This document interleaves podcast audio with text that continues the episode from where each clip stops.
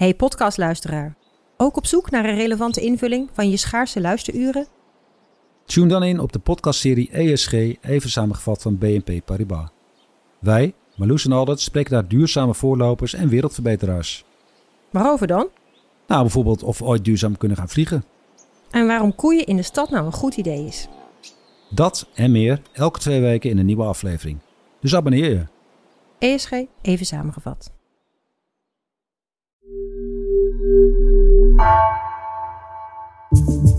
Vanaf de redactie van NRC het verhaal van vandaag. Mijn naam is Floor Boon.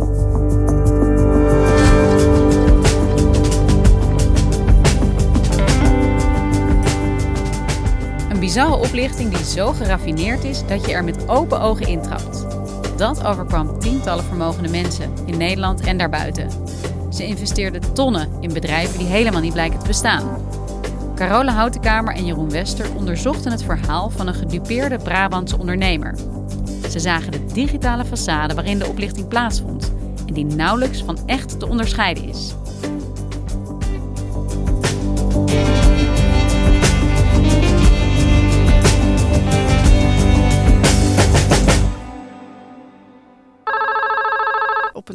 Warme zomerdag in, uh, in juli 2017 uh, gaat de telefoon over. Bij een, een Brabantse onderneming, ongeveer 70 man in dienst, een soort handelsonderneming. Het telefoontje wordt doorgezet naar de baas. En nou, dat is een telefoontje zoals de, die baas er heel veel vaak krijgt. Hè. Wil je ergens wil je iets kopen? Wil je ergens in investeren? Nou, dit keer is het een, een, een Brits sprekende dame die aan de lijn komt. En ze noemt zich Julia Wright. En uh, ze zegt, nou, ik, ik werk voor een, een, vermogensbeheerder in Azië.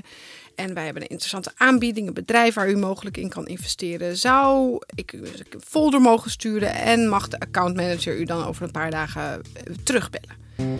En nou ja, Julia klinkt heel beleefd. Hij denkt, ach, nou, stuur maar op. Nou, een paar dagen daarna wordt hij opgebeld. Dit keer is het een, een, een, man die hem belt, ook met een keurig Brits accent. En uh, die zegt: uh, Nou, zou je niet een kleine investering willen doen, belegging willen doen in Electronic Arts, een, een gamebedrijf? Dat heeft hij al in de folder gelezen, hij heeft dat opgezocht. Dat is een bestaand bedrijf, genoteerd aan Nasdaq.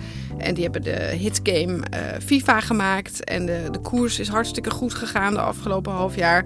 Dus hij zegt tegen zijn die accountmanager, zegt hij... nou oké, okay, ik, uh, ik wil wel een gokje wagen. Ik uh, ga iets van ruim 8000 euro uh, investeren in aandelen Electronic Arts. 8000 euro, dat is nou, een behoorlijk bedrag, maar misschien overzichtelijk hè, ja. voor, de, voor zo iemand als hij. En dan? En dan wordt hij na een paar weken weer teruggebeld door zijn accountmanager. En die zegt, nou, gefeliciteerd. De koers is door het dak gegaan. Het is 40% bij. Ik zou zeggen cashen. So the great news is I've had a phone call from the buyer. The trade is now done 100%. Zegt de man, wat nog slimmer is, is dat je nou je, je inleg omzet in aandelen. En dan heb ik een heel interessant bedrijf voor jou. Dat heet Lectrify. Dat is een, een Chinese start-up. En die doen iets met uh, draadloos opladen van elektrische auto's. Helemaal de toekomst, hartstikke goed. En dat is uh, nog niet naar de beurs gegaan. Pre-IPO heet dat. En maar als ze naar de beurs gaan, nou, dan is de kans dat het een enorme klapper wordt. Dus waarom zet je niet jouw aandelen of jouw bedrag om in aandelen? Lectrify. En dan moet je er natuurlijk nog een beetje bij doen. En dan, nou, dan wordt dat een hele mooie belegging. De ondernemer denkt, hij zoekt dingen op over Electrify op internet. Hij ziet de website, die ziet er goed uit. Hij leest allemaal persberichten. En hij denkt, uh, nou, ik ga de gok wagen. De vorige was ook prima. En hij stort iets van 27.000 bij. En dat was het moment waarop hij later zegt, uh, toen zat ik erin.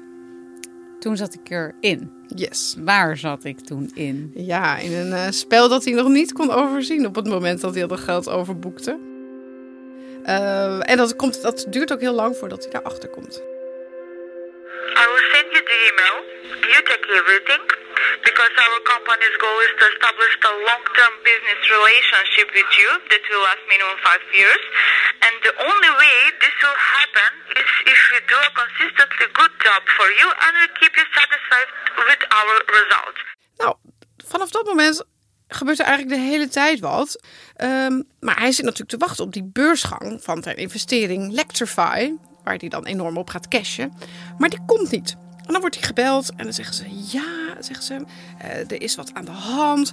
En eh, er is nog net iets meer geld nodig om de beursgang voor te bereiden. Als je nou nu nog een beetje bijstort, dan kan die beursgang net iets beter worden voorbereid. En dan wordt het echt een klapper. Dus hij maakt eh 60.000 euro over. Het is gewoon heel geraffineerd. Heel geraffineerd. En er wordt ook de hele tijd gesuggereerd: als je nu stopt, ben je alles kwijt. Dan kun je er, want als je nu niet verder gaat, ja, dan word je uit de trade gegooid en dan kunnen we niets meer garanderen. Nou, op een gegeven moment, als die ondernemer eh, gaat klagen tegen zijn accountmanager: van ja, ik denk dat je me in een spel zuigt en eh, dat het allemaal helemaal niet klopt, dan wordt juist, er worden de rollen helemaal omgekeerd. Dan wordt hij terecht gewezen. Er wordt gezegd van een spel. a game? You are buying shares into a legal company based in Hong Kong. How is that a scam? Please teach me. I would like to know. My company has never received money from you. How dare you to accuse my company for selling you an illegal stock? Op het laatst wordt hem nog een aantal keer gevraagd om nog een ton te storten. Nog een ton. Hij is helemaal mur geslagen. Hij doet dat, want hij is heel bang dat hij alles verliest. Hij voelt zich dus helemaal klemgezet eigenlijk. Hij voelt zich helemaal klemgezet. En in zijn hoofd is het heel moeilijk als je al zoveel geld hebt geïnvesteerd.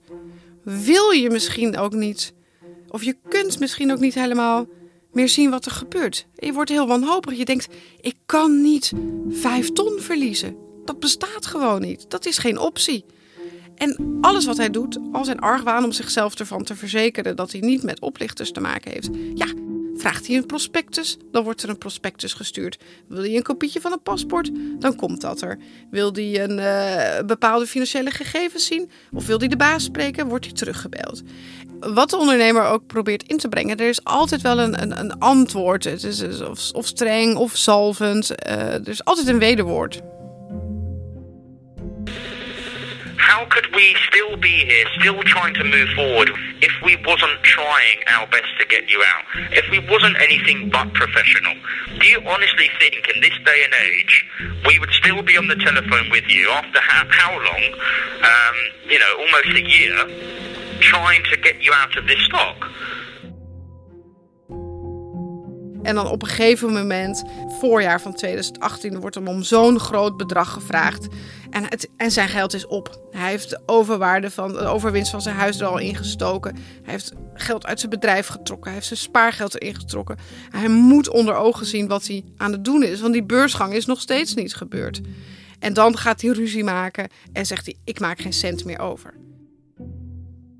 Het klinkt echt krankzinnig. Iemand die eigenlijk met open ogen zijn hele zakelijke, maar ook een heel groot deel van zijn privévermogen eigenlijk stopt in een soort gapend zwart gat. Ja, wel een gat met een perfect decor waar je niet uitkomt. En er is een moment waarop hij echt onder ogen moet komen dat, wat er hier aan de hand is. En hij heeft op dat moment al 1,1 miljoen euro overgemaakt naar, naar dit bedrijf, eh, wat maar niet naar de beurs gaat. Hij moet op een gegeven moment zijn verlies nemen.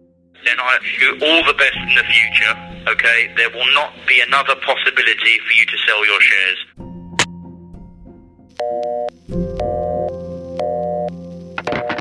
Ja, want Caroline, waar is hij ingetrapt? Wat is hier aan de hand? Op een gegeven moment komt er in een Duitse krant een berichtje van een, lokale krant. Is er gewoon een stukje over een man die zegt: Ik heb vier ton gestort in een, in een, in een, een of andere scam. En eh, ik heb mijn geld nooit teruggekregen. Gewoon een berichtje. Meerdere mensen in Duitsland lezen dit berichtje en die denken: hey, dat is met mij ook gebeurd. En die vinden elkaar. En ze, ze lanceren een, eh, een, een, een website. En bij die website, dat heet Investment Scam Asia, sluiten zich steeds meer mensen aan met hetzelfde verhaal. Ik ben gebeld door een Aziatische vermogensbeheerder. Perfect Brits sprekende mensen. Die mij aandelen hebben verkocht in een bedrijf wat naar de beurs zou gaan. En ze gaan hun verhalen delen met elkaar. En ze zien dat er niet één bedrijf is zoals Lectrify, maar er zijn honderden bedrijven zoals Lectrify. En er is niet één vermogensbeheerder zoals Ashton Whiteley, maar er zijn er tientallen. Dus zij krijgen overzicht over eigenlijk de omvang van de val waarin zij zijn gelopen. En om hoeveel mensen gaat het ongeveer? Nou, bij deze groep hebben zich nu inmiddels uh, meer dan 90 mensen aangesloten. De leden van die groep hebben een gemiddeld verlies van ruim 2,5 ton. Dus er zitten uitschieters naar boven bij, van in de miljoenen, en ook uitschieters naar onder. Maar aan de hand van de factuurnummers, die, die genummerd zijn, kunnen ze zien, die op, lopen op namelijk, er zitten enorme gaten in, dat er echt veel meer slachtoffers moeten zijn dan zij. En deze slachtoffers, in ieder geval gedupeerden, die vinden elkaar nu in ieder geval ook online. Die vormen een soort slachtoffergroepen. Maar ja, wat, wat zijn dit voor mensen? Hoe, hoe, hoe kan je je zo laten oplichten? Zo'n fuik inlopen eigenlijk? Dat is iets waar ze dus zelf enorm mee worstelen. Want dat zijn geen domme mensen. Um, hoogleraren, artsen, ondernemers, goedlopende ondernemingen, uh, hoogopgeleide, slimme mensen die misschien van een gokje houden, maar wel een beredeneerde gok. En mensen met een zekere risk appetite, zoals dat dan in jargon heet. En ze hebben er alles aan gedaan om zich te nou, verwittigen dat, dat het oké was. En ze zijn er toch in getuind. En de hamvraag is hier, wie zit hierachter? Um, nou, samen met Jeroen Wester heb ik uh, onderzoek gedaan naar, naar deze, deze scam, om het zo maar te noemen. En um, wij hebben natuurlijk heel veel geluidsmateriaal gehoord en we hebben documenten gekregen, ook bankgegevens en transacties. En er zijn verschillende aanklagers wereldwijd die al wel een beetje daarnaar hebben gekeken. Um, en die, um, uh, die gegevens hebben opgevraagd bij de banken uh, waar het geld naar over is gemaakt. En dat, nou, dat hebben allemaal bestudeerd. En die groep zelf, die groep gedupeerden, die hebben zelf ook heel veel onderzoekswerk al gedaan. Zij hebben een privédetective ingehuurd. En die, uh, die heeft aan de hand van IP-adressen van die, uh, van die websites en aan de hand van belgegevens heeft hij een, een, een plek gevonden in, in Kuala Lumpur, uh, in Maleisië, waar, waar dit allemaal zou gebeuren. Waar deze mensen wellicht zitten te bellen. Maar hij kwam er ook niet in en er leek een politieagent voor de deur te staan om de boel te beschermen. En als dat aan de hand zou zijn, ja, dan wordt het wel heel lastig. Want dan heb je misschien te maken met bescherming door lokale overheden. En nou ja, dan wordt het echt heel moeilijk om dit aan te pakken. En uh, heel veel van die websites, die, dus, die verschijnen eventjes online in de periode. En die gaan dan weer weg. En de telefoonnummers worden even opgenomen en daarna niet meer. Dus het is heel moeilijk om vast te stellen wie hier achter zit. En ook slimme mensen dus, die ook het voor elkaar krijgen om een hele ja, een heel digitaal spoor uh, achter te laten om, om zichzelf betrouwbaar te doen lijken. Zeker, want daar hebben ze verschillende methodes voor. Ten eerste hebben ze allemaal scripts. Dus ze weten precies dat als jij belt, oh, dan ben je die Nederlandse ondernemer. Je zit daar met jouw investering in dit bedrijf, op dit stadium. Oké, dan, dan, dan, dan gaan we je nu proberen dit te verkopen. En als je dan twijfelt, nou, dan laten we de klantenservice je terugbellen. Uh, en die gaat dan proberen uit te leggen dat het toch verstandig is om nog een keer op deze manier je portefeuille te herstructureren. Het is enorm gescript, is het. Maar de mensen die ze aan de lijn krijgen, die spreken perfect Brits. En die beheersen het jargon, het, juridische en financieel-juridische jargon en beleggingsjargon echt tot in de puntjes. Dus dat zijn misschien gewezen bankiers uit de city. Of uh, mensen die al financiële carrière erop hebben zitten, gewoon regulier van banken, bankiers uh, of beleggers. The security indemnity is a refundable deposit that's put in place in advance by all investors. You have cash indemnities, which will yield no return, or you have equity indemnities.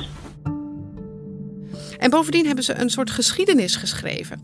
Dus als jij nu gaat googelen op die bedrijven, dan vind je persberichten van maanden of nog eerder terug. En die persberichten die ogen heel betrouwbaar. die, die zijn al wat ouder. En ehm, eh, daar staat dan op uh, analisten van Ashton Whiteley, die hebben commentaar op het rentebeleid van de Amerikanen, zoals je zoveel uh, leest. Maar ook persberichten van de bedrijven zelf, van de fake bedrijven.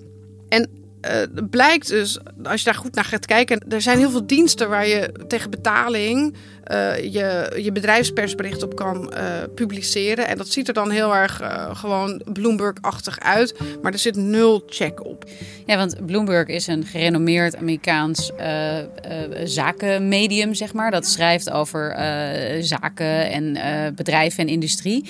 Maar dit is eigenlijk heel beangstigend ook in zekere zin in tijden van nepnieuws. Dat bedrijven dus tegen betaling zichzelf heel erg betrouwbaar Ja. kunnen doen voorkomen. Ja, je kunt je dus ook een soort eh, betrouwbaarheid eh, kopen. En dat soort pers, persbureaudiensten, die moeten dus ook echt wel met argwaan bekeken worden.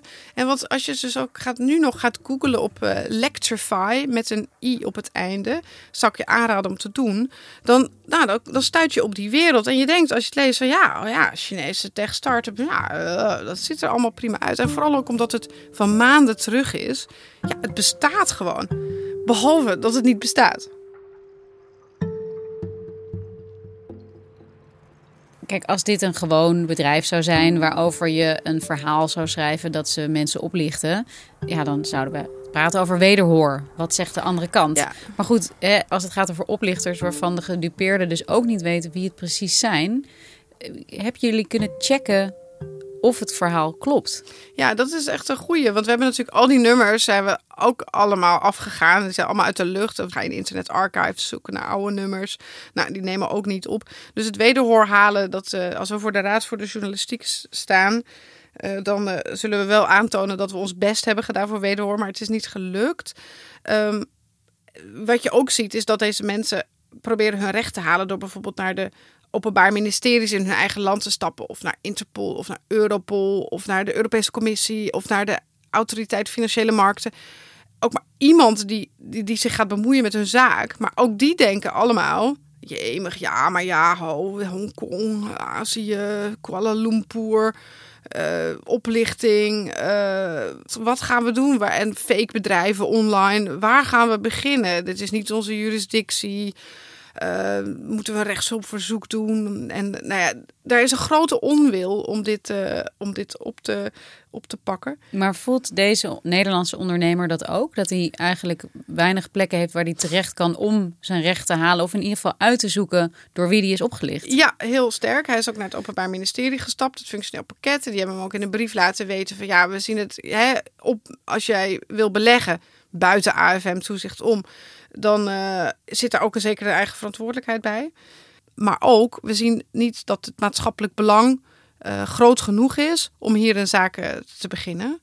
Dat is wel een opmerkelijke uitspraak. Want het zijn dan misschien rijke mensen die inderdaad zelf een risico aangaan. Maar het gaat ook over internationale internetfraude. Ja, en het gaat ook over, over waanzinnige bedragen waar het leed ook heel reëel is als je dat verliest. Ehm, en internetoplichting is internationaal en het is complex. eh, en het, maar het neemt wel toe. Dus je zult daar toch ook als autoriteiten een antwoord op moeten formuleren. Ja, want in de tijd van nu ook met nepnieuws, hè, een, een, een bedrijven die een hele façade kunnen creëren en daarmee iedereen in hun fuik laten lopen. Ik zou toch hopen wel dat ook internationale en nationale opsporingsdiensten zich daarmee bezighouden. Ja, en er zijn wel een aantal officieren in verschillende landen die er naar kijken. Ehm, maar dat is natuurlijk wat de groep ook hoopt dat dat gaat gebeuren.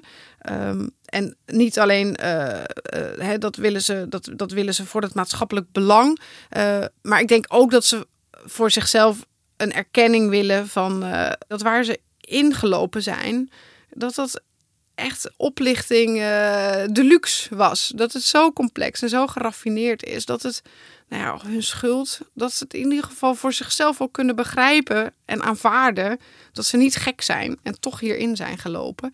En eh, dat daar een soort erkenning voor komt. Dankjewel, Carola. Graag gedaan.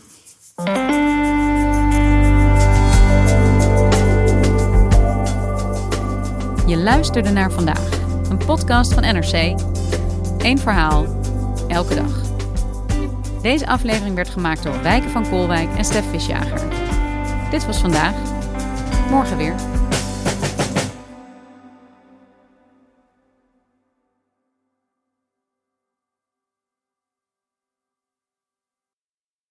Technologie lijkt tegenwoordig het antwoord op iedere uitdaging. Bij PwC zien we dit anders. Als we de potentie van technologie willen benutten, kunnen we niet zonder een menselijk perspectief. Human-led, tech-powered noemen we dat. Ga naar pwc.nl.